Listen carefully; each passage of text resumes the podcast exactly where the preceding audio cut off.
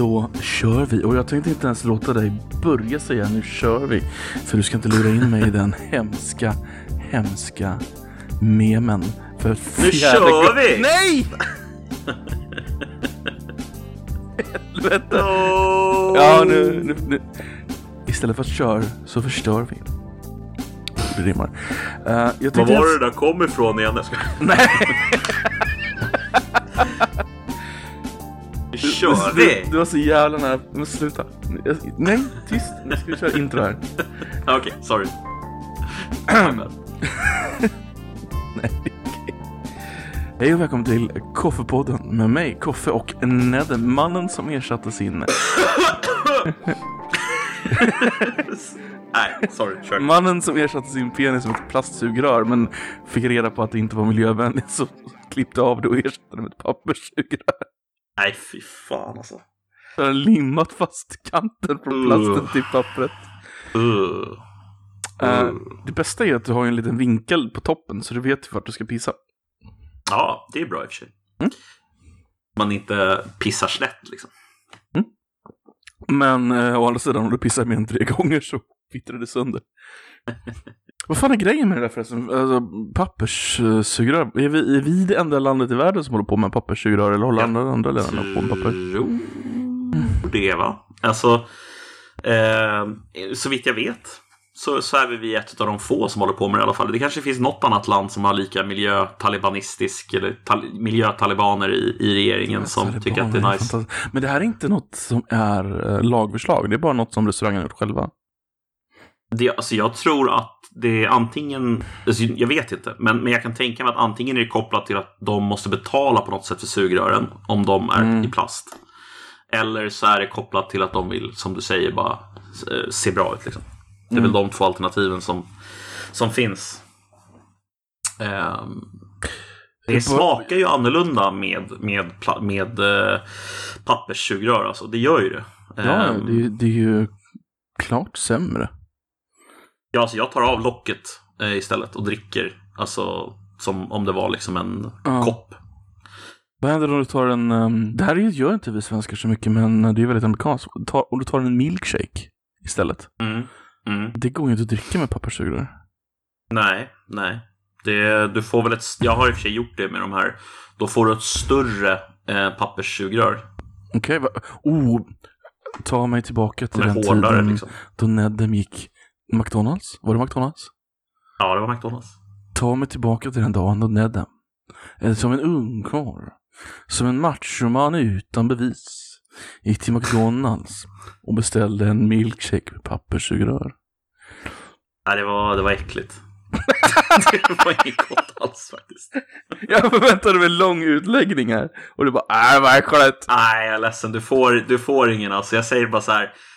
Dricka Mm. med, med papperssugrör, alltså dricka milkshake med papperssugrör, det är minst lika äckligt som att dricka Coca-Cola eller något liknande med papperssugrör. De, Det är de, precis måste, så dåligt som du föreställer att det ska vara. de måste mjölka dig lite här, eh, vilket inte någon har sagt till dig innan. Um, Eller? oh, var det en jordgubbsmilkshake?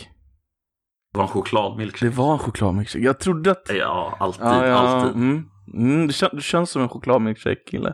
Ja, chokladbanan skulle jag kunna tänka mig också. Jag tror att det är en jävligt bra kombo alltså. Chokladbanan. Chocoba, choco, chocobanana liksom. Har du sett den där ehm, på typ vilken stor marknad som helst? Chocobananen eh, chokladen som man kan köpa. Mm, jag vet inte. Har jag det? Det lär jag ha gjort. Det är Det låter skumbanan som helt någon- enkelt med Ja choklad men på. exakt. Den är ju sjukt god ju. Mm, Det är men en det står, klassiker. Den är från Tyskland. Det står chocobanan. Men vänta lite nu. Det är alltså en riktig, Chocobananen. det, det är en riktig produkt som heter så alltså. Eller hur? Chocobananen. Ja. Jag, jag kan Chocobananen. inte sluta säga chocobananen, ursäkta. Chocobanan. Meine Damen und Herren, Ah. meine Chocobananen. Just den där. Mina Damen und Herren. Ein Schokobananen. Meine Chocobananen. Ja okej, jag, jag ser mig som någon sån här presentatör du vet som så här håller upp så här åt sidan. Ein Schokobananen. Jag ser mig precis, jag tänker exakt samma sak, men så tar han av sig byxorna. Mine chokobananen! Mine chokobanan! Fast då måste han vara en svart man också. Det är viktigt här. Annars blir det ingen chokobanan. det är sant. Annars blir det en uh, ivory-banan. ingen choko. Eller en vaniljbanan kanske. Alltså det finns ju vit choklad. Ja, det gör det ju faktiskt. Mm. That's true. That's true. Eller så kan man liksom doppa den. I sån här, eller sån här chokladfontän Ja. kan man ju ha. Så kan man bara liksom, ja. Fan, alltså för övrigt, när du såg, alltså det, det är bara en sån här tanke som slår mig. När jag såg din när du- penis. Nej, när du slår, när du, när du såg, när du såg, nej när du såg en chokobanan första gången, nej, när du såg en, eh, när du såg, eh, när du såg en sån här chokladfontän första gången, för det var ju säkert i någon amerikansk film, det kan jag tänka mig, det var det för mig i alla fall. Ah, Okej, Ehm, du, du accepterar icke-IRL-grejer, du accepterar film, okej? Mm. Ja, kör. Nej, men jag tror så här att, alltså, Nej, men det, det är sån här skillnad mellan första upplevelse IRL och första gången man ser ett Ja, koncept. exakt. Liksom. Nu, nu menar jag första upplevelsen av en sån överhuvudtaget. Att du ens Mm. existerar, att du vet att det existerar. Det måste ju Mm. varit i en film. Mm, ja, det måste det ha varit. Men alltså, jag har aldrig sett en sån IRL så att säga. Men, men, jag. men du har gjort det. Eh. Det ser ju så sjukt gott ut. Men jag föreställer mig att det kanske inte är så jävla gott alltså. Ja, ska jag prata med dig som den expert jag är? Ja, ja berätta nu. Berätta. Donald Månsson. Aftonbladet. Chokladexpert. Ja. Tänk om. Aftonbladet hade haft en chokladexpert. Vilken grej. Eh, nej, det var på någon, jag kommer inte ihåg vart vi var, men det var något så här. eh, du vet, man, man åker på hotell, man är, man är svenne, man är turist, man tar all inclusive. Eh, det roliga med det här hotellet var att de hade två tiers, eh, all inclusive och inte all inclusive. Så alla som hade Jag vill bara, jag vill bara berätta att jag aldrig skulle åka på en all inclusive. Men ja, fortsätt. all inclusive är, eh, jag, jag kan ta en rant om all inclusive sen. Uh, Ja. Påminn mig om att prata om all inclusive. Absolut, absolut. Men det, det vill jag säga nu, det var att de som hade all inclusive, de fick ett grönt band som de kunde visa vart som helst. Så fick de det Mhm. gratis. Medan alla andra var tvungna att betala. Så jag bara, uh, one beer please? All inclusive. De bara, ah, ah, ah, ah. Ja, så fick man en billigare skitöl istället. Eh, det jag skulle säga om chokladfontänen, eh, det var att de hade det på det här stället. Det var något så här fyrstjärnigt hotell-ish. Mm. Fyrstjärnigt betyder inte kvaliteten, det betyder ju bara servicen de erbjuder vad jag har förstått. Inte kvaliteten på själva servicen utan att vilka servicer de har. Om jag har förstått det rätt. Jaha, det visste inte jag. Det är det jag tror det är. Jag är inte helt säker på det. Ehm, men det de hade, det var, det var eh, de hade frukost, de hade lunch, de hade mid, de hade något annat mitt på dagen mellan lunch och middag. Sen hade de middag, sen hade de kvällsmat, sen hade de nattmat. Mellan 23 Va? och 2.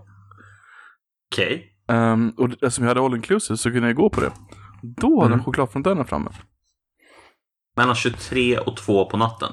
Yes! Det är Ja. skitkonstigt ju. Det här var så en resort, resort. Det var tank, tanken var att du skulle stanna där. Du skulle inte Ja, du skulle vara där liksom. Du skulle Precis. vara på den platsen. Ehm, så de hade stor pool, de hade jag vet inte hur många barer, de hade flera restauranger. Det var liksom, det var, du stannar här, du går ingenstans. Va? Ska du gå någonstans? Okej, vi fixar taxi. Men du vill komma tillbaka sen, eller? Ehm, Mm. Men då, 23-grejen. Eh, man, lägger, alltså, man lägger sig inte så tidigt om man är på semester. Eh, så då gick jag dit och då hade de en chokladfontän. Och då hade de liksom, chokladfontänen var i mitten av ett så här runt bord. Och så runt om bordet Okej. var det liksom olika fack med frukter. Så ska de liksom Ja. doppa frukterna in i den här grejen. Och äta dem. Ja. Men det var liksom inte Marabou-choklad, det var liksom... Och det här jag var lite intresserad av. Mm, det var, Vad smakade den här chokladen? För den ska ju liksom, för det första så ska det ju vara tillräckligt varmt för att den ska vara rinnande. Men det kanske Mm. måste vara någon speciell choklad för att den ska rinna överhuvudtaget. det är mycket möjligt, jag frågade inte de specifikationerna. Men det var, det var liksom, alltså... Du stoppar in jordgubbar var väldigt vanligt. Eh, Ja. Jag gillar att stoppa in uh, vattenmelonslices. Tyckte jag var kul. Men var det gott då? Det var ju godare än att inte ha någonting. Jo, Alltså, precis. Det, det här är liksom, du är på semester, du går dit. Um, Ja. Vad ska vi säga? Absolut inte Marabou-choklad. Nu kommer jag vara lite elak mot finnarna. Det var inte Fazer-kvalitet eller, eller Fazer, Fazer. Jag vet inte hur det ska uttalas. Vad heter Fatser, Fatser, ja. Ehm, har du smakat den här amerikanska Hershey? Mm, mm. Mm, ungefär den nivån var det. Det var lite så här, eh, det är choklad. Nästan, nästan, nästan så att chokladen är lite grynig nästan typ. Alltså så här. Var väldigt man känner sig att den är... Så här, den var väldigt Mm. len, men smaken var lite... Det var någonting där. Mm, Det smakar fortfarande choklad. någonting som inte stämde liksom. Mm, Precis, det var liksom... Mm, okej då. Ja men alltså det ser ju så, det ser ju så otroligt vackert ut när det liksom rinner choklad och man tänker så Mm. här, fy fan. Alltså det är ju väldigt få saker som är så ehm, Du vet man äter med ögat grejer. Ja, ja, alltså det är väldigt mycket äta med ögat över eh, en chokladfontän. Mm. Jo, Men- men, Men tänk jag tänker att det sås- kanske är svårt att få till det bra liksom. Så att det blir Antagligen. riktigt gott Antagligen. om, det inte, om man inte kan om man har Jag funderar på om du kan ta vanlig så här Marabou-choklad och få igenom det, eller om det måste vara något speciellt. Jag har ingen aning. Eller om man kanske måste tillföra något ämne eller någonting som gör att det liksom håller sig. Mm. Nej, eller om det ja. bara räcker med att det är i den värmen, temperaturen. Men nej. Alltså det måste ju vara en viss värme som bara smälter och så åker det igenom. Mm. Ja, det borde ju vara så. Och så står du där med fem till sex eh, svettiga europeiska turister. N- några fortfarande i badbyxor, vet du. Då, Ja, men berätta, berätta vad du tycker om all inclusive nu. Nu vill jag höra. jag, All Alltså, här- inclusive. det är tvådelat. Um, Ja.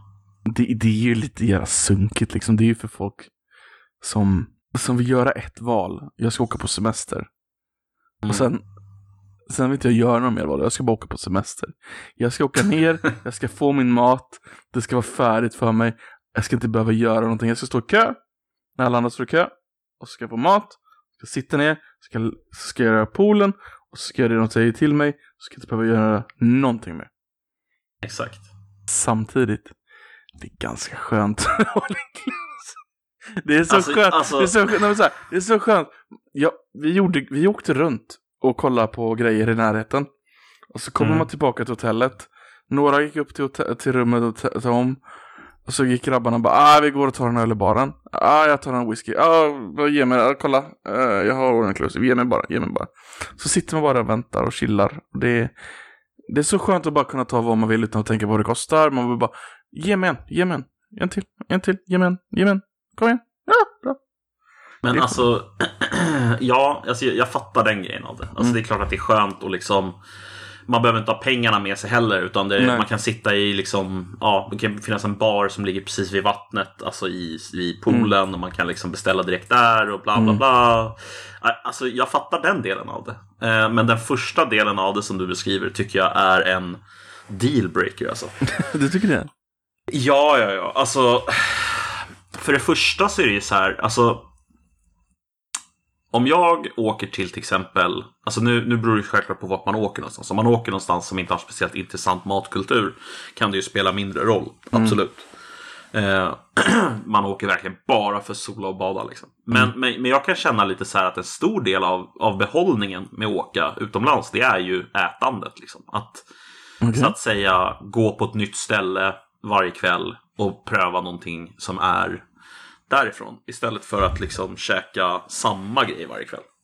Eh, alltså samma grej är det ju inte, men från samma ställe. Eh, Ja. Du fattar vad jag är ute efter. Jag har en tendens, Eh. och det här är ganska skämmigt, att varje gång jag är på semester så sitter jag hela kvällen i hotellbaren. Alltså när, när, när vi varit ute och gjort våra grejer, även om vi inte varit ute och ätit på andra ställen, Ja, eh, då sitter jag till, till, i hotellbaren till ganska sent. Och jo, är men skönt alltså, då, sitter du ju, då sitter du ju super där. Alltså det är ju Ja. inte så att du bara sitter där liksom. Utan, Nej men precis. Och, och då det, det, det, köper jag. Mm. I det ögonblicket, just där och då, då är det nice. Berätta om... Um, um, var det här samma resa? Nej, det var en annan resa. Så, så um, skulle vi se local dance. Och det var sån här, du vet när man åker på, fan var det, Apollo eller turistresor eller vad fan heter. Mm. Så, så har man ju så extra paket man kan köpa på. Så var det så här local dance-grej. Att vi skulle se hur de dansar. Nej men alltså det var en dans. Jaha, ja, okej. Ja, jag Alltså, Ja. an evening with local dancing and uh, bla bla bla bla bla bla. Alltså så här föreställning, du vet så här. Mm. Ja, så gick vi dit och så bara sa de uh, And you can also get all inclusive for the evening for 10 euros. Excuse me, what does that mean? Då skulle vi vara där i typ två timmar. oh, it means that you don't have to pay for all the alcohol you drink and all the, the fruit is free. För de hade inte mat, de hade bara frukt och alkohol. För 10 euro, herregud alltså. och jag som är jag liksom, jag bara, ja men 10 euro, hur mycket måste Ja men det, det tar jag. Då måste jag göra det värt det. Mm. Jag, det är inte så att jag tänker att jag ska gå in för att slippa oroa mig. Jag tänker, det här måste vara värt det, för 10 euro är fan mycket pengar. Herregud, Koffe. det här är helt fel inställning när man ska dricka alkohol alltså. Um, så jag, tror, jag drack, nu var vi nog där i tre timmar om jag ska vara ärlig. Men det var jättefin dansföreställning och det var liksom belly dancing och allting och de gick runt Mm. i publiken och ja, det var kul, det var väldigt kul, det var väldigt kul att se. Hade, alltså, även om jag inte tagit all inclusive så hade jag gärna sett det. Men just konceptet att de hade all inclusive bara för en kväll, det gjorde ju att jag bara, ja ah, men det måste vara värt det. Så jag tog en halv flaska rödvin Mm. Uh, fem till sex shots Ouzo. och sen så glömde jag räkna hur många öl jag tog. Men det var många. så när jag skulle gå därifrån, du vet så var det, det var liksom, dåligt beslut alltså. ja. så, Genuint så här. Men det no. skulle- när jag skulle gå därifrån, då var, det var ett fint område så de hade liksom en, en grusgång därifrån till bussarna för bussarna skulle ta oss till hotellet för det var en bit. Och på Mm. bredvid grusgången så hade de en liten eh, trottoarkant fast finare. Så den skulle Mm. jag ju balansera på. Och då kom för det här var en kväll för typ alla områden, alltså det liksom, det var inte bara svenskar där, det var britter och sånt där också där liksom. För det var liksom Mm. the shit. En gång i veckan hade de liksom alla hotell i den här tiden, du fattar. Ja. Så då kom jag upp till brittiska äldre kvinnor till mig, alla 60 plus. Oh my dear, oh my lord, are you doing okay? Or, how are you? Så skulle Men vänta hjälpa. lite nu, vänta lite nu. Hade du, du, du, du berättade aldrig, ramlade du när du skulle klä, gå på den här grejen? Nej, det här- eller? Det är när jag fortfarande är på kvällen, på, på grejen. Ja. Så då kommer de fram till mig. För de säger att jag vankar fram, alltså. Jag du går inte, full jag går- eller vadå? precis, jag går inte rakt för fem öre. Så de Nej. ko- kommer fram till mig och ska hjälpa mig för att man kan ju inte, för att jag ska gå, jag ska gå över den här grejen liksom. Så Ja. då måste de hjälpa mig för att de är liksom äldre brittiska kvinnor som hjälper folk. Ja. Och så frågar de bara "How- many osos have you had today, young son? Och jag bara Five! Och tar upp hela handen och visar med liksom som en treåring, du vet hur man visar med Ja. alla, alla fem fingrar. Oh lord, that's a bit much isn't it? Jag bara nope! Och så fortsätter gå och så håller de mig hela vägen till bussen och så får jag till slut gå på bussen. Men alltså det här, det här, alltså brittiska kvinnor i 60-årsåldern som tar hand om folk, de gillar vi ju. Det gör vi, det gör vi, det var jättemysigt. Det, det, alltså, det det var jättesnällt av dem. Det var jättesnällt av dem. Jag hade inte klar... Jag hade ju bestämt mig för att gå den här, alltså det var en halv meter upp max liksom.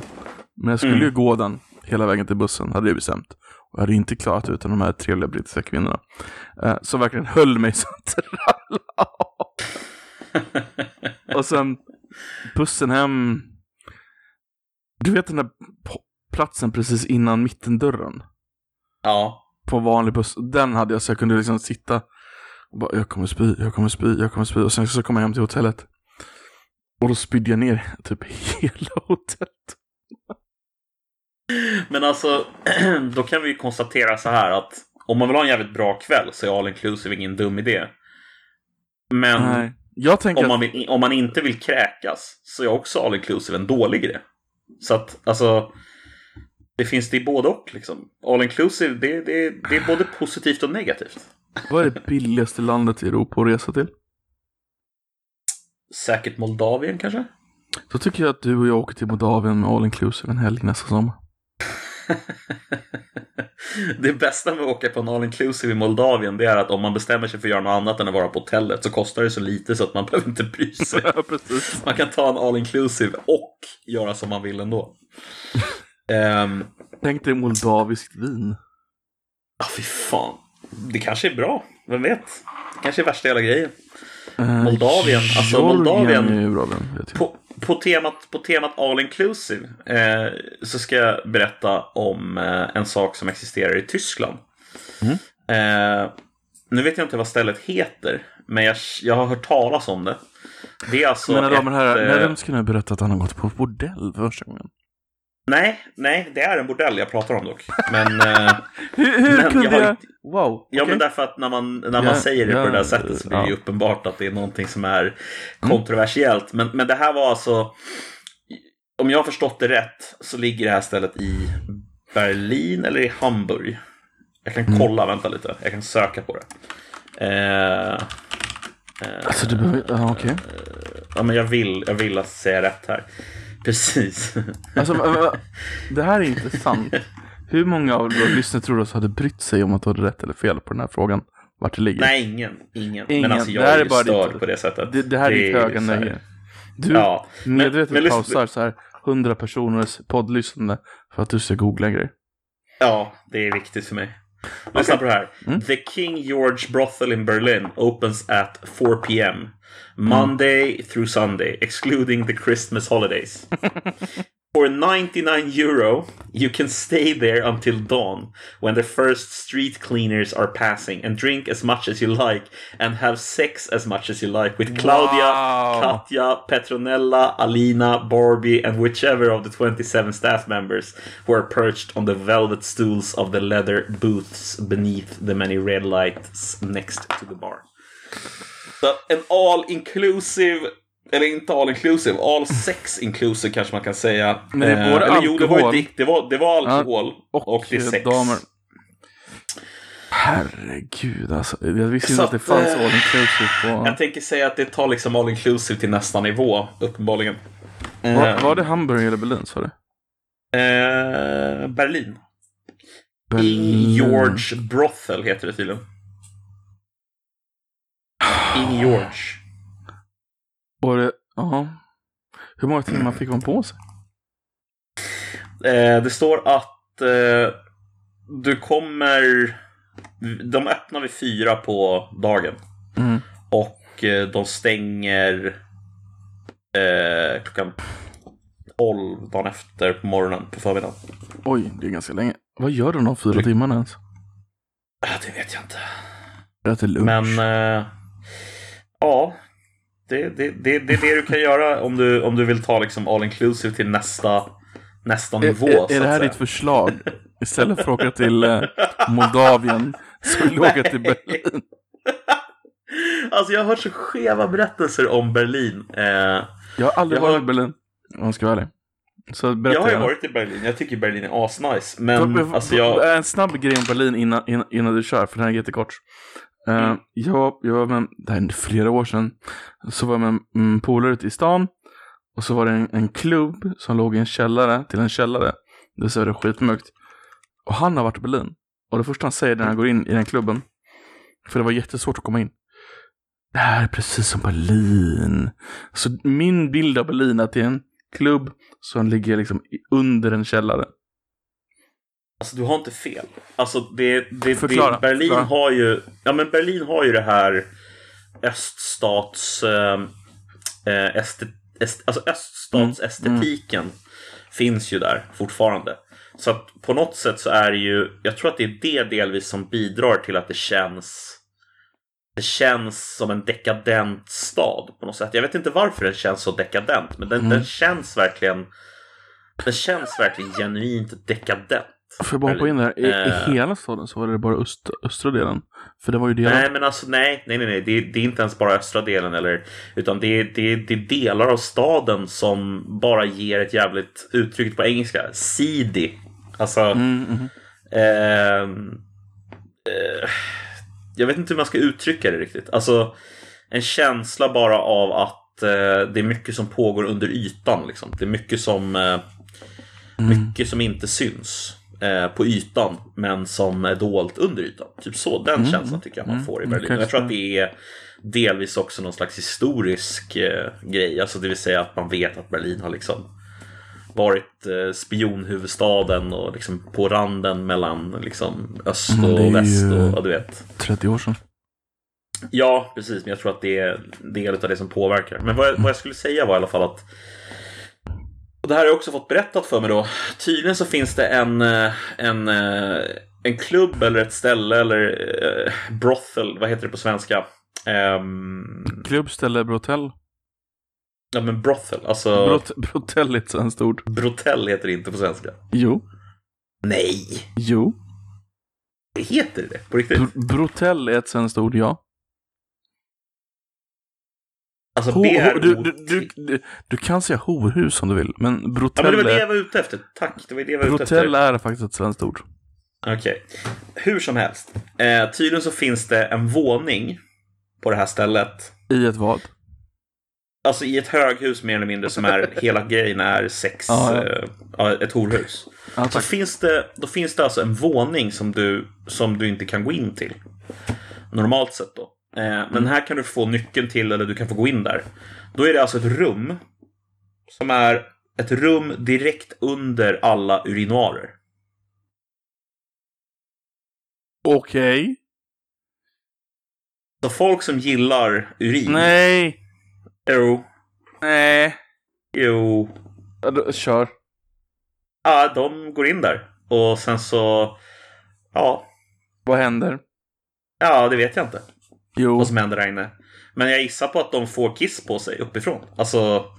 Därför att det rinner ner från... ehm, eh, ja, rummet ovanför som är pissoarerna. Så rinner det ju som, som, som, som jag har förstått det från sprinklers i taket ungefär. Ehm, ja. Så, så är det. Så det, ja, nej. Alltså, The piss brothel of Berlin. du försöker sälja, alltså. Vi, vi, Blir du ska, inte sugen? vi ska åka på en resa nästa sommar. Jag Mm. föreslår Moldavien för det är billigt och du bara, ja men de har en pisshotell De har ju pisshotell i Berlin, vad fan, hörru? Hallå? Jag ska vara ärlig och säga att det inte säljer mig så hårt alltså. Nej, jag förstår det. Det, det, är någonting som är, det är någonting väldigt svårt att förstå med sexuella såna här parafilier som går på liksom kroppsvätskor. Så här bajs och kiss och liksom. Det finns, det finns för en kroppsvätska det? som är okej liksom. I sådana fall. Ja, exakt, exakt. Mjölk. Ja, och mansmjölk kanske. Ja, Alltså, man vill liksom- ja, precis. Ja, Nej, det. men Mo- Moldavien hade varit Skitkul att åka till egentligen. Ja, och, det och, sen, och sen ta en endagsutflykt till uh, Transnistrien. Transnistrien. Mm. Vet du vad det bästa? Vet du vad det alltså för svenskar så borde det liksom vara ett standardutflykt. Uh, för att Bender, kalabaliken i Bender. Mm. Uh, Bender ligger i Transnistrien. Jaha, Och ja, där ser man. så det vore Men lite kul. En annan sak som är lite coolt med Transnistrien det är att de fortfarande har KGB. Alltså riktiga KGB. Ja, ja. ja. Ehm. jo, Och FSB och alltså. alltså. Det är ju liksom. Det är Sovjet liksom. Det är Sovjet på riktigt. Ehm, det, det finns ju en teori att Ryssland också har KGB kvar och att det är de som tog över makten. Alltså jag skulle vilja säga att det inte ens är en teori. Ehm, det är bara Nej. sanningen. Men däremot så, så är de ju inte KGB längre eftersom de heter SVR istället. Ja, så först efter som Eh. FSB, sen så kom Putin bara nej, nej, nej, men nu ska nej, vi ha en egen här. Och så kom Nej, på en egen. nej. Nu har du missförstått. Ja, kör, kör, kör. SVR och FSB är motsvarande vad CIA och FBI är. Mm. Nej, men de, de, SVR är CIA. Alltså utrikesspionage. Ja, men Putin startade ju en egen eh, säkerhetstjänst för några år sedan. Eller hur? Det vet jag inte. För att konkurrera med FSB. Nej, det tror jag inte. Alltså, så, så, så här, kolla, om du kollar till exempel på hur det var innan så var det ju vad heter det? Eh, GRU och sen så hade du ju KGB. KGB Mm. gjorde både inrikes och utrikes eh, eh, kontroll. Så att eh, alltså, KGB var både så att säga Säpo och de var våran underrättelsetjänst samtidigt. Är du med? Mm. Så att när... Eller Hänger du med alls på vad jag är ute efter? Att man har alltid en militär underrättelsetjänst. Den heter till exempel då i det ryska fallet GRU. Mm. Och de heter fortfarande GRU. Mm. Och hette GRU så i Sovjet. alltså, FSB finns kvar. GRU finns kvar. Sen har du, um, vad heter de? SVR.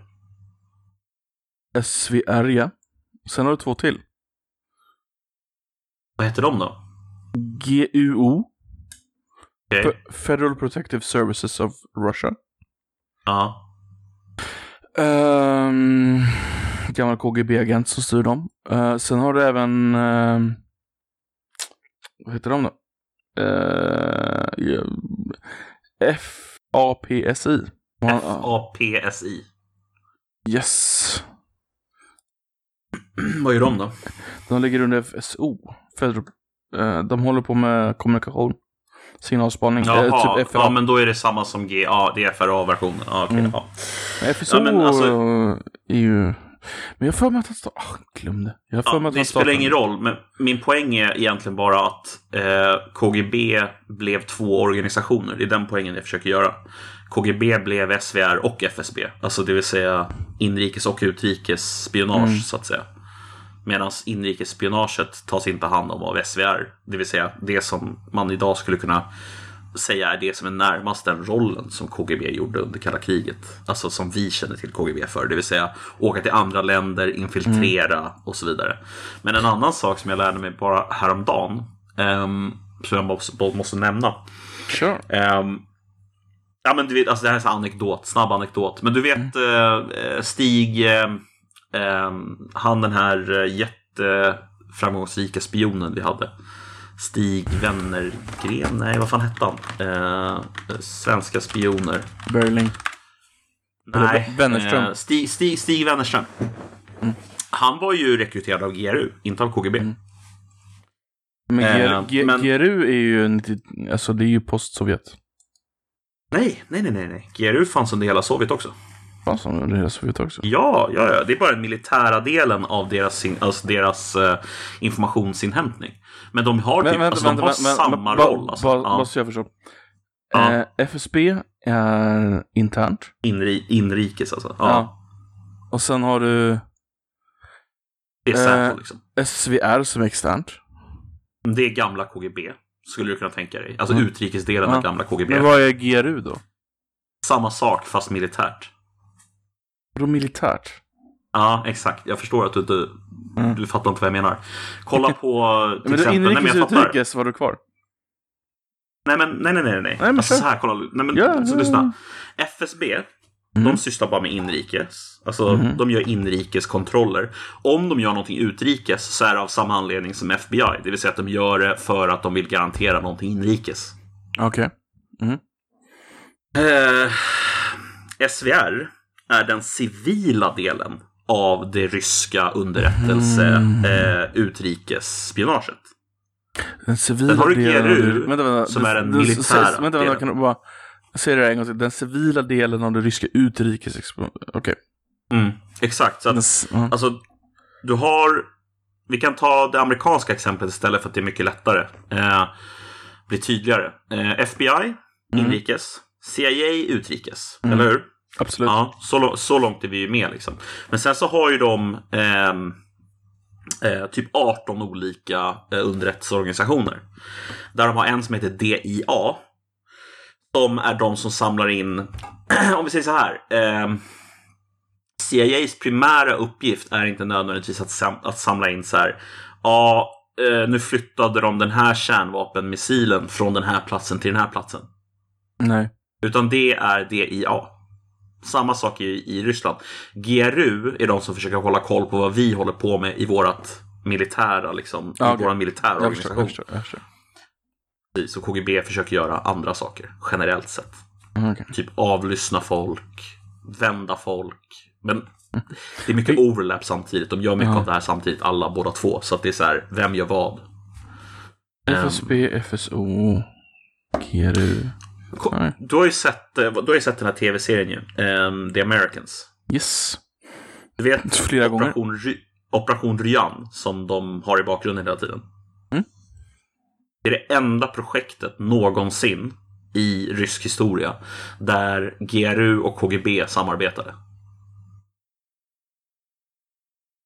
De har aldrig någonsin samarbetat som man vet om i alla fall. Eh, utan det är bara Operation Ryan som var den gången samarbetade de för att de behövde få ihop så att säga allting som gick att få ihop till samma organisation. Eh, för de var så rädda för kärnvapenkrig. Och då hade de liksom anledning att samarbeta men annars så, annars så har de helt separata organisationer med vattentäta skott liksom, mellan. Mm. Och det är ju för att om man kommer åt KGB så kommer man inte åt GRU för det. Och kommer du åt GRU så betyder det inte att du kommer åt KGB för det. Alltså det vill säga mm. personerna som de har rekryterat. Nej, precis. precis. Men så funkar väl de eh. flesta... Absolut. Alltså, stora. Sverige, Sverige fungerar säkert inte så, för vi fungerar inte bra överhuvudtaget. Nej, ska vi, ta, ska vi ta komma dit kanske? Jag, jag skulle vilja nämna en sak innan vi vi, skulle, vi, vi tänkte vi skulle ta upp två saker här och det var lite om det här. Vi hade en, eh, kan inte du, vad hette han, var det Summer? Liksom, som Summer vill prata med... om dödsskjutningar och sånt där. Att det har skett eh, 60 skjutningar i Stockholm i år. Och det här är ungefär mm. en månad sedan jag sa det. Eh, mm. Med 15 döda. Och det, det, är fler, alltså det är en eskalation sedan tidigare år. Då är, då är det som så att jag har läst en tweet idag från mm. eh, eh han eh, som driver Kvartal, Jörgen Wittfeldt. Eh, Jörgen Wittfeldt, om man inte känner till det sedan tidigare, han eh, var på P1 och eh, han startade då Kvartal för att han tyckte att P1 inte tog tog riktigt eh, frågor kring till exempel integration och eh, problem kopplade till det tog inte SVT eller P1 då på eh, allvar. Eh, han, eh, han och en annan kille gjorde ett program om, eh, om integrationsproblem då. Och eh, fick aldrig sända det. Eh, han blev skitupprörd och bestämde sig för att nej, nu får det fan vara nog liksom. så han, han hoppade av SVT. Mm. för några år sedan. Bara en fråga innan du, innan du fortsätter där. Alltså, mm. Han startar alltså Kvartal. Med en vän. Ja. ja. För att han inte får igenom en, en uh, sändning i SVT. Tror du att hans verk, alltså du säger kvartal, har haft genomslag nog att rättfärdiga det? Eller, eller liksom, borde han fortsätta? Som jag förstod honom så var det så här att det var katalysatorn som fick honom att börja fundera över fan. Ah, okay. mm. Jag får inte göra den typen av journalistik som jag tycker är samhällsviktig. Eh, liksom, eh, därför att den journalistiken eh, är för, så att säga, det är för mycket av en het potatis på SVT. Okay. Och, eller på P1 vid den tiden. Så han bestämmer sig för att det är därför som ja, men vi behöver någon typ av, liksom, vi måste kunna diskutera de här frågorna på allvar. Mm, um, men det är inte så länge sedan, det, det, är tre, fyra år sedan var det. Ja, det är bara tre, fyra år sedan och sånt, exakt. Mm. Uh, men, men då är det så i alla fall att det har ju varit den här diskussionen i veckan här och förra veckan också om, uh, om skjutningar och att det börjar drabba så att säga civilsamhället mer och mer och mer. Eh, och då skriver Jörgen Wittfeldt en tweet idag, eh, nej igår, eh, 7 augusti. Då skriver han så här. Sitter vid ett stort fönster och äter pizza med dottern. Två bord bort sitter en man med mjukisbyxor och lite attityd. Kommer på mig själv med att tänka att vi sitter lite illa till om någon skulle vara ute efter honom. Risken är dock så liten att det närmar sig noll men att tanken dyker upp. Punkt, punkt, punkt. Sen skriver han så här. Som konstinstallation vore den genial. En helt naturlig reflektion om hur vapenvåld i offentliga miljöer påverkar oss. Skapar rädsla och misstänksamhet. Bemöts med hån, relativisering och medvetna missförstånd. Mm, mm. Detta dysfunktionella offentliga samtal är ett av våra största problem.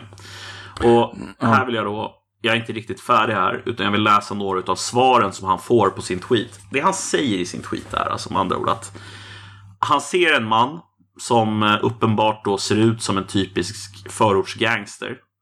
Han inser att risken för att någonting ska hända är oerhört låg. Men kommer på sig själv med att tänka. Ja, ah, här sitter vi illa till.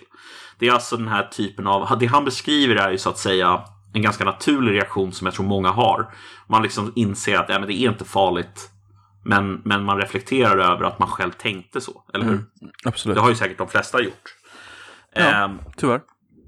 Ja, och då säger han så liksom. Och kommer det så här. Från Bibi Andersson.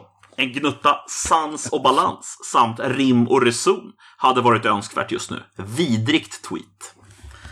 Åh, vidrigt tweet. Ja, eller den här. Tyckte du, du, eller den här från Robert Klinghav. Tyckte du det var dags att få igång den intelligensbefriade hatsvansen nu? Eller den här. Eh, känner en kvinna, det här är från Nike Nikestad, ett riktigt geni. Känner en kvinna som satt med sin kille på den lokala pizzerian kring mitten på 90-talet i sydvästra Stockholm och där sköts en man ihjäl framför näsan på paret. Så sånt hände även förr. Ja. Så då är det lugnt att du gör det. Eller alltså. Ja, exakt. Vad är logiken? kan, kan, vi bara, kan vi bara stanna där? Du får gärna Mm. läsa flera svar senare. Mm. Hon känner en kvinna som satt på en pizzeria med sin kille på 90-talet och där sköts en man. Mm. Så, Så sånt hände- även förr. Ja, sånt hände även förr. Ja. Så det är okej att det händer nu? Alltså vad... När man skriver något sånt, vad vill man ha sagt? Vad men... Alltså vad vill... Vad vill hon ha sagt egentligen? Alltså det... Jag förstår inte vad hon vill ha sagt. Jag, jag förstår verkligen inte. Ja, men lyssna på de här istället då. Nej, men- men- men, kan- vad, du- du vad, får gärna vad, gå vill hon ha sagt? Ja, men hon Ja, men vill vad- inte ha vad sagt någonting. Hon är, dum, hon är dum i huvudet. Ja. Hon är dum i huvudet. Jag kan Hon är att hon är korkad. dum i huvudet, men liksom... Nej, men jag tror allvarligt. Jag Men tror vad- hon, vad- hon kan vad- inte... Hon är dum i Hon har inte huvudet. förmåga, Men vad till, vill hon har hon inte förmåga till mer.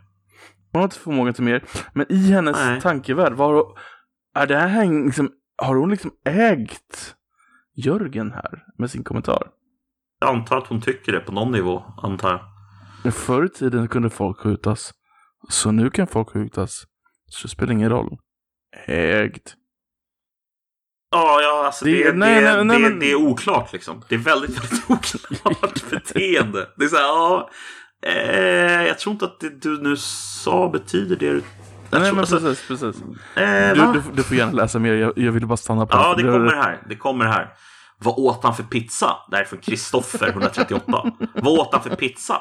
Ofta kan man ju avgöra kriminalitet ut efter pizzasort. Frukt Mm. som ingrediens signalerar ofta att det är en skum person. Det här är ett skämt liksom. Det är Men sen- sant. Nu, nu, nu kommer det folk som då ska vara lite, de ska liksom spinna vidare här. Det här är en kille som då har Pride plus någon sån här kock plus typ ett flygplan i sin... Du vet, det är alltid människor på Twitter som har massa jävla symboler, massa emojis i sina namn. Absolut. Då vet man att det här, det här, det här är tokigt. Kantarellpizza kan dock signalera överklass är lika med kokainköpare. Mm. Mm. Då skriver Kristoffer 138. Kebabpizza vet man ju onekligen vad det betyder. På en annan kille frågar How about jul- julbordspizza? Och då skriver Oh. nästa kille Om man äter julbordspizza då röstar man på SD. Jag tror inte man gör det. Nej, jag tror inte heller det. Jag tror inte man käkar julbordspizza. Men, men det var ju kul. Haha. Ehm. nu ska vi se. Nu, kom, och här, nu, nu börjar de bästa komma. De här är så jävla bra. Går över gatan på grönt med puls. Enligt statistik så inträffar ju flest olyckor på övergångsställen med ljus. Plötsligt kommer en bil inbromsandes mot mig och jag minns att närmare 200 svenskar dör varje år i trafiken. Så jag kastar mig i panik iväg genom tankarna som for. Det här är ju ett, den här typiska liknelsen att liksom att bli skjuten av otur Mm. är lika eller likställt med att bli påkörd i trafiken. Eh, Mm. Eller bli bara, bara att råka bara bli påkörd. För båda sakerna är ju så att säga saker du inte kan stoppa och därför ska du inte vara rädd för dem.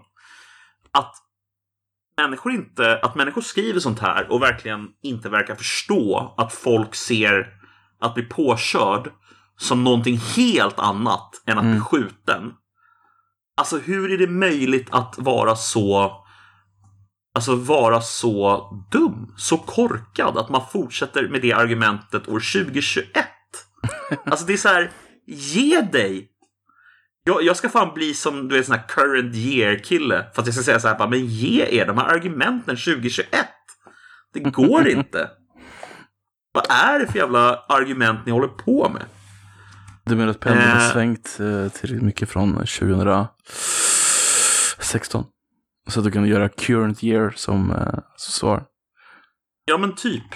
Typ. Nej men det, det, det, det är väl någon empatilöshet liksom att du, du ehm, de förstår, alltså de förstår ju antagligen vad folk menar men eh, det är roligare för dem att ironisera över det och göra sin egen poäng.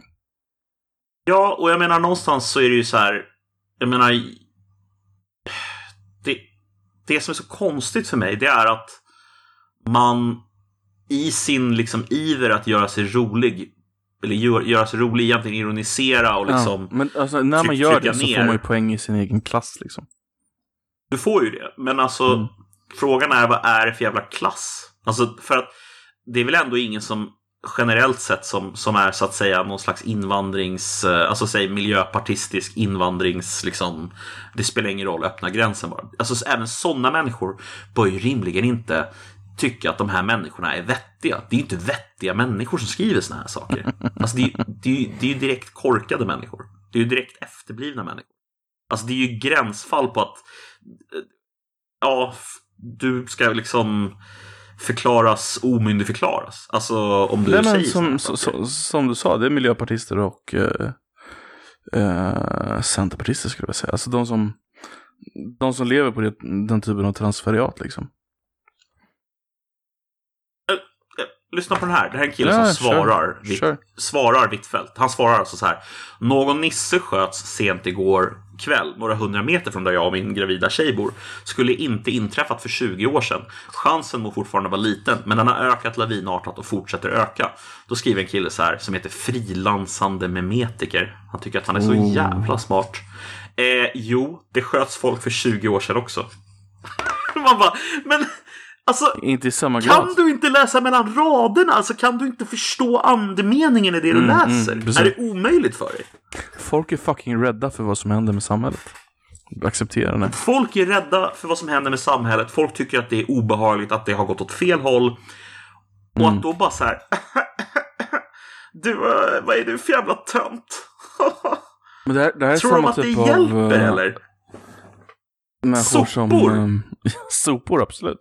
Men det, det, det är de som liksom för fem år sedan när var den invandringsvågen sa Sverige har aldrig varit säkrare.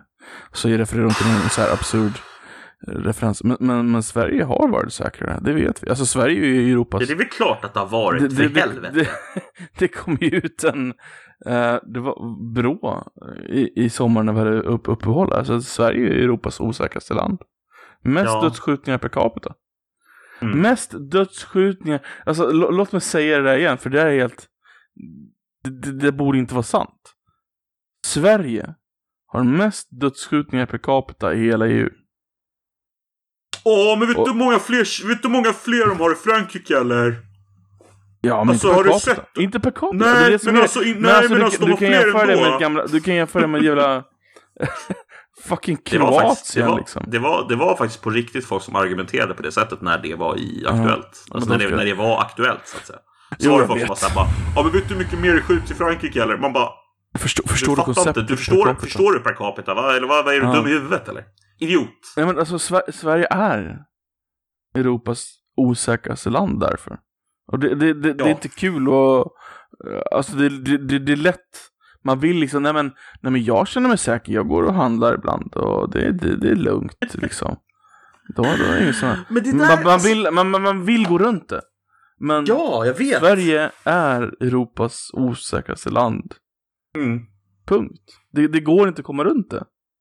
Jag såg du, att eh, du kan Economist intellektualisera skrivit det, men det, det, det går faktiskt inte. Sorry, fortsätt.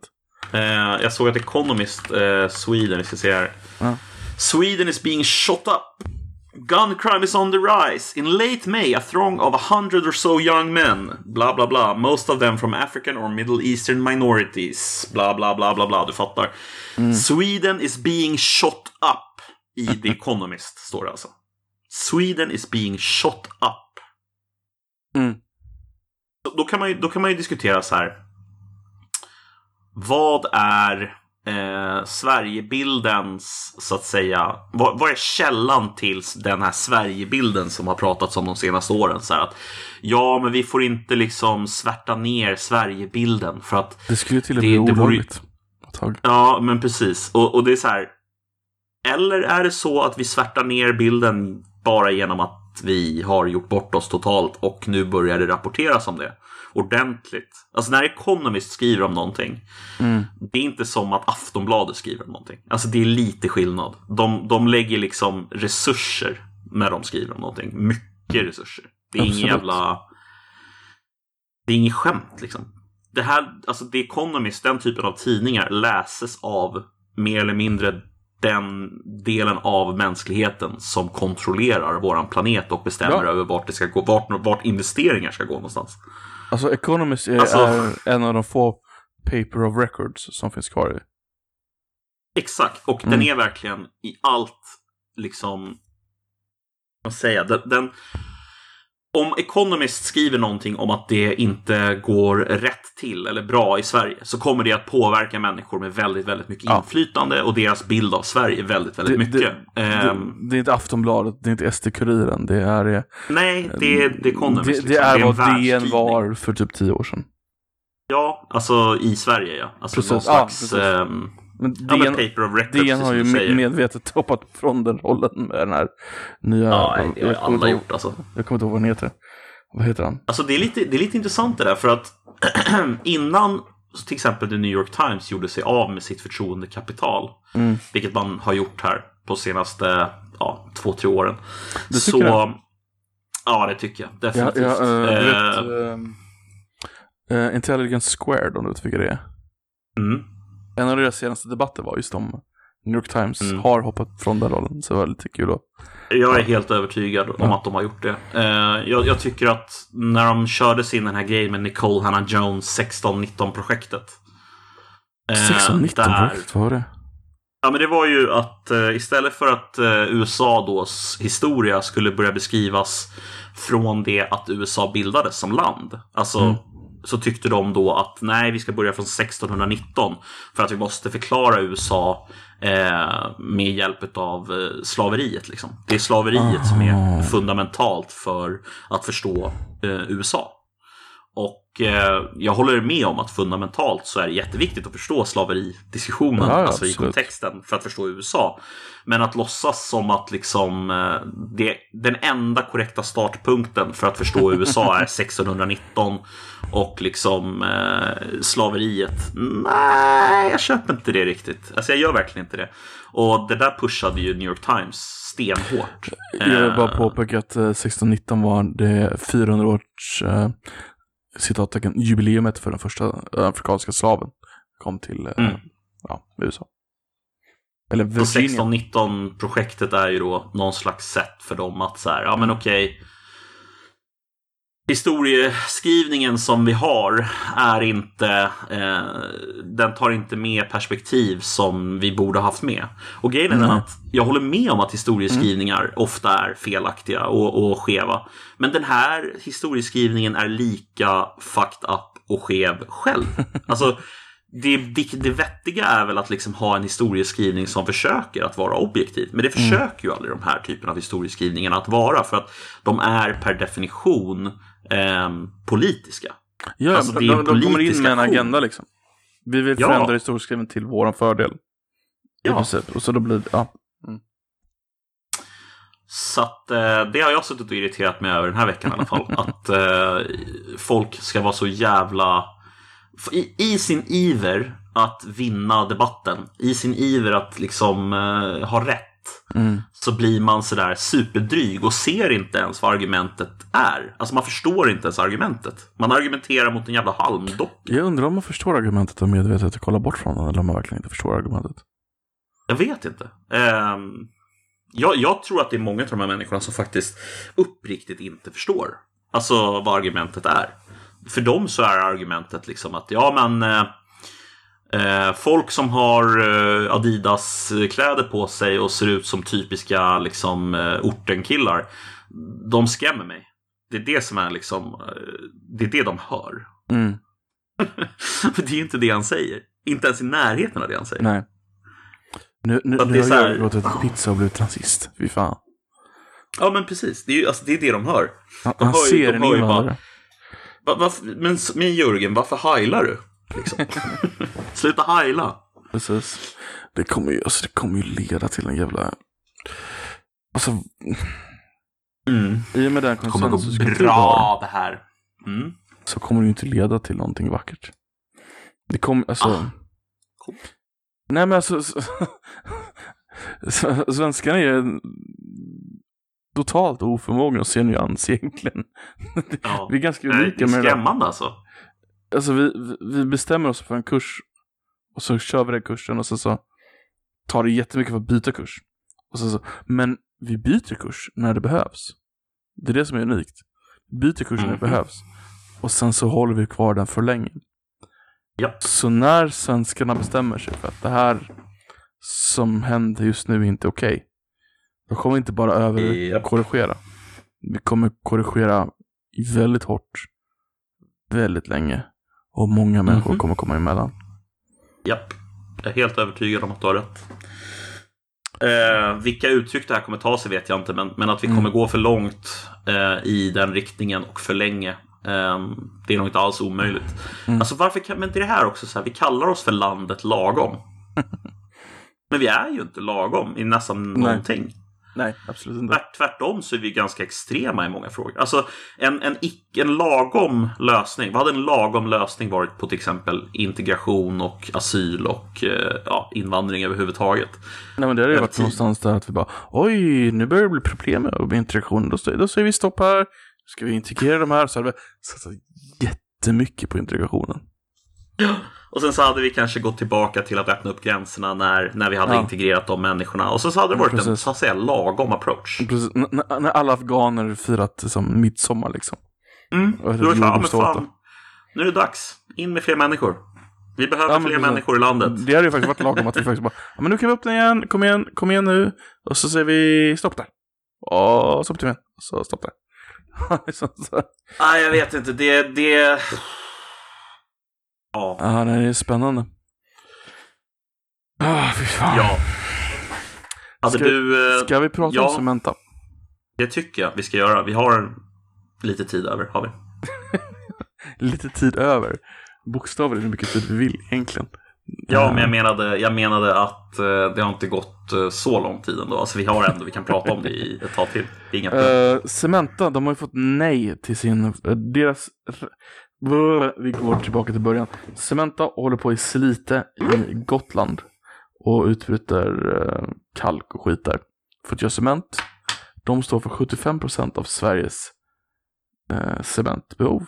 En enda fabrik står för 75%. Um, ehm, deras tillstånd att bryta går ut i oktober i år.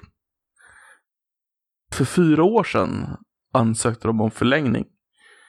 Ehm, först fick de ja. Eh, sen kom Miljöpartiet in i power och har då ändrat kraven. Eh, vilket gör att Miljödomstolen idag säger nej med de nya kraven. Vilket gör att eh, s- 75% av Sveriges cementbehov kommer inte kunna tillfredsställas. Eh, de, Mi- Miljöpartiet har gått ut och sagt två saker. Ja, men ni kan hitta alternativa byggnadssätt. Eller ni kan importera. Eh, Europa har ett cementminus. Alltså det, du kan inte importera från Europa i dagsläget. Eh, Europa producerar inte tillräckligt och vi har ett företag som importerar. Och de har gått ut och sagt att vi kan inte importera mer. Vi har försökt. Vi, vi kollar på det. Vi vill hjälpa till. Eh, vi, vi kan inte importera mer. I alla fall, eh, byggföretagen har gått ut och sagt att av byggföretagen endast som använder cement då, så direkt eh, riskeras 200 till 400 000 jobb i första ledet om de inte får cement. Eh, vilket, Första ledet, ja. I första ledet. Mm. Ehm, vilket kommer göra att eh, du får en BNP-minskning med 1% i månaden. Ungefär. Alltså det är så extremt så att jag tror inte att, alltså, ja, mm. fortsätt. Eh, betongbranschen hade ett möte med Ibrahim Baylan. Han sa, ja, jag kan inte göra någonting. Kanske att vi kan göra någonting till nästa år.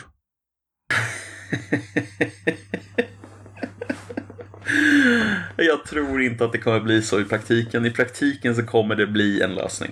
Det tror jag. Vi, vi, alltså vi får ju hoppas att alltså en enda ställe står för 75 procent. Ja. Sen, sen finns det ett, eh, Cementa heter det företaget.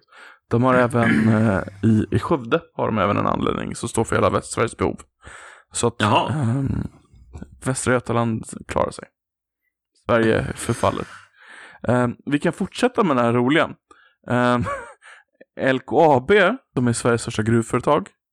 Mm. Eh, de står för 30... De står ensamma för ungefär... tre- de står för 32 miljarder eh, vinst om året. Direkt in i statskassan. Ehm, Mm. Det är alltså ungefär... Vad fan blir det? Nästan 8% av BNP. Mm. Tror jag det är. Och de skulle behöva lägga ner om de inte får cement. Ja, ja, men det är, alltså, det är, det är bara att starta nya företag. Det där. Jaha, jaha. Ja, ja förlåt. Jättemiljöpartist, jag förstår inte det. Um, Ja, det, men det, här alltså, får inte, in, så det här är här. inte inräknat i den ena den procenten som, som, som byggföretagen räknade med. Utan det här är plus. Ja, jag vet. Så, så att, det är eh, härligt. Eh, det, grejen är helt enkelt att Miljöpartiet bara, för de hade kontrollen över den ena till eh, sta, sta, staden, eller regeringen, eh, bestämde att det här var ett miljöskyddsområde. Så då fick vi inte byta Mm. det längre. Vet du vad de gjorde effektivt sett? Kör. De vaskade Sveriges ekonomi. Ja, i princip. F- De bara, nej, vi vaskar den. Vi vaskar den. 200 till 400 jobb. 200 000 till 400 000 jobb i byggsektorn. Hela, hela byggsektorn kommer dö. Mm. Och sen så kommer ju, ja. Det är oroväckande om vi säger så. Det är, he- alltså det är helt, det är helt jävla vansinnigt att de, Mm. att de, eh, att vi överhuvudtaget kan hamna i en sån här situation är på något sätt Alltså det är symptomatiskt för att vi lever i Sverige på något sätt. Mm. Alltså jag, jag, jag blir mer och mer övertygad om att vi lever i något jävla konstnärligt experiment. Alltså det är hundraprocentig chans liksom att det är en simulation och att liksom det är någon som bara testar så här olika permutationer på hur, vad händer om man lever i ett land. Vad händer om vi drar upp den här sliden till max? Kolla vad sjukt! Idioti. Jävlar, det funkar skitbra ett tag, sen så blir det helt jävla kajko. Men, men, men här, det, här, det här visar ju på att alla som röstar på Miljöpartiet bör arkebuseras. Alltså någonting är ju uppenbarligen fel på dem. Alltså allvarligt. Ja, men de, de, de lägger ner fullt fungerande kärnkraftverk. Vi får ersätta det med kolkraftverk. Mm. Cementa, som världens första cementanläggning, gick ut i våras och sa att vi har en plan för att bli klimatneutrala. Och den var realistisk. De hade en realistisk plan på att bli klimatneutrala. I Slite. Och den lägger de ner. Men de behåller den icke-klimatneutrala som de har kvar i Skövde. Ja.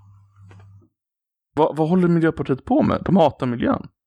Nej, Miljöpartiet, de hatar inte miljön. De hatar allt. De hatar precis allt och alla och miljön är en utav allt och alla. De vill bara, de vill, de är, de är de största jävla, alltså, eh, vad heter det när man bara hatar allt? Eh, Misantrop. De är misantroper. Det är vad de är. Nej men seriöst, alltså. Vi skulle kunna gå krig med Danmark igen. Och de skulle Ja. behålla mer av vår infrastruktur. För att de visste att de skulle behöva det för att bygga upp Sverige igen efter kriget. Än, vi, Ja. än, än, än Miljöpartiet har gjort bara av ren ondska liksom. Alltså jag hatar genuint, alltså, och när jag säger hatar så menar jag verkligen i ordets rätta bemärkelse. Alltså jag hatar Miljöpartiet. Alltså jag känner en så här djup, djup, alltså djup avsky för det partiet. Ehm, Men så här, den är verkligen sådär, du vet sådär djup, alltså jag det är svårt att sätta ord på nästan. Alltså jag- det, det är grundlig liksom. Jag, alltså jag hatar dem. Verkligen. Jag Västsverige hatar dem. har Cementa i, eh, i Skövde. Så Västsverige är den enda regionen i Sverige som kommer att fortgå. Allt annan byggnation i hela Sverige kommer stanna av. All gruvbrytning i Sverige kommer stanna av. Du kommer inte kunna bygga ett hus i Sverige. Du kommer inte kunna bygga detta- någonting. För att Miljöpartiet har sagt att det här är bra för miljön. Samtidigt för förra sommaren så lade de ner ett kärnkraftverk. Vilket gör att vi, vi har inte Pågen vi kan inte bygga ett nytt kraft... De kan inte baka bröd i Skåne. För att Miljöpartiet Nej, har sagt de att det är bra el för miljön. Ja precis, de har inte el. Ja. Sverige har inte el. Alltså, Socialdemokraterna. De var världens bästa parti på att förvalta ja, eh, liksom industri, industri. För de insåg Japp. att de kommer vinna valet så de måste ta hand om det här långsiktigt. De, de, Japp. de gör inte som Miljöpartiet gör nu, bara säljer ut grejer och som, ska vi vara ärliga, eh, Fredrik Reinfeldt gjorde också, så, säljer ut Mm. grejer kortsiktigt för att ha råd med sina grejer. För de insåg att det som är långsiktigt är det vi får för vi kommer förvalta Sverige långsiktigt. Och att ha gått från det partiet till ett parti som bara lägger ner fungerande kärnkraftverk för att vi ska istället Mm. köpa det från fucking smutspolen. Ursäkta mig Polen, men det är smutsigt i Polen. Mm. Vad har hänt? Vad har Jag hänt? vet inte. Alltså det... det... Alltså jag tror att... Eh... Jag tror att det finns många olika förklaringar. Men jag tror att en stor del av förklaringen är den, så att säga... ehm, Alltså så här. Människor som tror att de står inför ett eh, eh, existentiellt hot Mm. är villiga att eh, ta till nästan vilka medel som helst för att stävja eh, det här existentiella hotet. Och jag Mm. tror att väldigt många miljöpartister tror att de står inför inte bara, alltså jag menar klimat, eh, klimatförändringarna är ett stort problem. Men att kalla det för ett existentiellt hot vore, tror jag, helt fel. Alltså det är Mm. inte ett existentiellt hot mot mänskligheten. Alltså det, det är liksom en, liksom, alltså då, då har man liksom gått eh, det kommer, kommer det skapa massa problem? Absolut. Men det bästa sättet att lösa de problemen är ju inte att bli hysterisk och liksom försöka stå, liksom lägga ner allting, stoppa allting Mm. eh, och hoppas på att eh, det liksom går vägen. Utan lösningen är ju att ja, helt enkelt långsiktigt lösa de problemen som kommer att uppstå. För vi kommer, det kommer uppstå massa problem som en, som en konsekvens av liksom klimatförändringarna. Du kommer få eh, flyktingströmmar som liksom är ännu större än de är idag. Du kommer få eh, avbefolkning i vissa områden. Du kommer få eh, svårt med vatten och så vidare. Men alla de här sakerna är problem som går att lösa. Det är inte problem som är eh, olösbara. Det är inte så att vi kommer stå där och bara ja, nej, då, då var det över då. Får vi... Ja, alla är döda. Fan vad synd. Ja, men alltså, jag, jag är ju långt från en, eh, vad man i mainstream brukar kalla en klimatförnekare. Jag tror att det kommer gå jättedåligt. Eh, men Ja. jag, jag är ju lite negativ av mig. Men att då lägga ner ett kärnkraftverk som är klimatneutralt och ersätta det med kol. också helt... Helt Ja. vansinnigt. Och att då lägga ner världens enda cementfabrik som håller på att bli klimatneutral. Mm. Alltså, vad håller de på med? Alltså vad, vad är, alltså, det måste ju vara någon slags klassanalys. Alltså, vil- vilka röstar på den? Det är, det, det är innerstadsmänniskor i Stockholm liksom. Det är, det, det är folk, alltså det är, det är ju modernt avlatsbrev. Alltså det är det som röstar på oss, Miljöpartiet. Jag tror inte Mm. det. Mm. Jag tror inte de har Ja, någon jag- djupare liksom, än det. Jag hör vad du säger. Det är någon Mm. slags... Eh, bik, man biktar sig liksom. Mm. Eh, men avlats, avlatsbrev är en ännu bättre liknelse. Man eh, betalar sin lilla, sin lilla peng för att bli av med sina, sin, sin eh, synd. Eh, Och synden är ju att man eh, konsumerar och lever.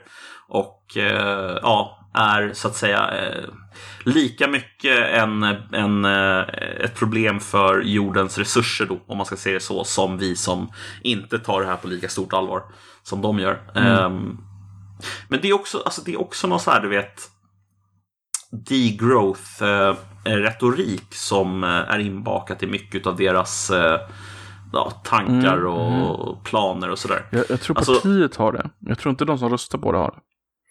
Det tror inte jag heller. Men jag tror att partiet, alltså ofta när man läser, jag har läst en hel del eh, människor från eh, Miljöpartistiska ungdomsförbundet. Eh, och de är ju mycket mer extrema än Miljöpartiet. Jag heter Eh, och Miljöpartiet där- ungdomsförbund. Vad sa du? Grön Nej. ungdom alltså? Grön ungdom, tack. Ja, men de, de, ehm, där har jag sett en hel del sån här degrowth-retorik kan jag som tänka mig. då går ut på helt enkelt eh, för lyssnarna då som inte känner till det. Men alltså att man helt enkelt inte ska ha tillväxt i ekonomin utan man ska ha eh, av, avväxt så att säga. Vi ska, vi ska degrowtha våran ekonomi och på det sättet bli en mindre så att säga resurs eh, eh ett resursproblem för, för planeten. Liksom. Vi, ska, vi ska bli min, färre och vi ska, bli, liksom, vi ska konsumera mindre. Och det de inte fattar med det här är att vi, alltså, systemet funkar inte så. Du kan inte göra så. Alltså, vad gör du med, vad gör du med, eh, ehm, med vad heter det, eh, nationalskulden till exempel? Den ska betalas av. Om vi inte har en växande ekonomi så kommer hela tiden på grund av inflation och liknande så kommer ju statsskulden att i relation till våran ekonomi bli större och större procentuellt. Vad, vad gör vi med det problemet? Ska vi bara strunta i det eller? Det antar jag att svaret är. Att eh, om vi skriver av alla, allas statsskulder liksom. Alltså, jag, alltså, jag, jag, jag är Nej, men jag, antar, jag antar att det är svaret. Att alla skriver av varandras statsskulder. som någon slags jubileum liksom. Jubli. Att man Mm, skriver ja, av Om alla. du skriver av min så skriver jag av din och så skriver du av min för så Ja, skriver av din. Och så är det en orättvis tills det kommer någon som bara, nej jag tänkte inte att så, så ska vi inte göra. Nej men det, det, det, det får man inte göra. Den är, den är ju Eh. nazistisk mot tredje världen också så det är lika bra att vi tar bort den. Ja, ja, självklart. Självklart. Nej, alltså jag... Jävlar vad less jag känner att jag börjar bli. Det är som tur, to- tur valår nästa år. Eh, Tror du kommer hända på rösta. valåret då? Ja, alltså om de inte har stoppat, eh, om de inte har stoppat eh, cementkrisen. Utan om de bara har låtit den eh, vara, så att säga. Ja. Då har de inte en, de har inte en sportmössa då, kan jag säga. Inte en sportmössa. Nej, det får vi hoppas. Alltså, om, du, om du inte, Eh. alltså, inte stoppar en kris som liksom dödar ekonomin, liksom, då har du inte mycket där att göra. Nej, då, då, då, kommer de, då åker de ut med huvudet före tror jag. Ehm, Mm. Och det tror jag Miljöpartiet också fattar. Eh, alltså Socialdemokraterna fattar ju det. De är inte dumma liksom. De Nej. fattar att det är så. Men eh, Miljöpartiet, där tror jag att de flesta fattar det också. Och sen så finns det några som är så här, nej. Det här är faktiskt vad reglerna säger. Lagen är så. Lagen säger att vi ska gå i ett skolan. undantag. Då ska det vara så. Det är ju Carl Bildt. Lagen säger att vi ska gå i skolan. Har han sagt det? Ja, ja, när det var... Vad gick jag på Södra Latin eller sånt där? Och så var det... Lagen säger att vi ska... Ja, lä- ja, ja, ja, ja, Lärarna strejkade och så bara, var han där i alla fall och ordnade lektioner. Han Just ordnade det. lektioner själv. Så jävla tung elevrådet. alltså. Så jävla tung grabb alltså. Jag tycker han är... Är lite töntigt. Han ska alla, ha alla, för det. alla andra skulle ju stannat hemma. Men han bara, ah, vi Ja. fixar lektioner. Lagen säger att vi ska gå Ja, i skolan. lagen säger att vi ska gå i skolan. Det är så det står här.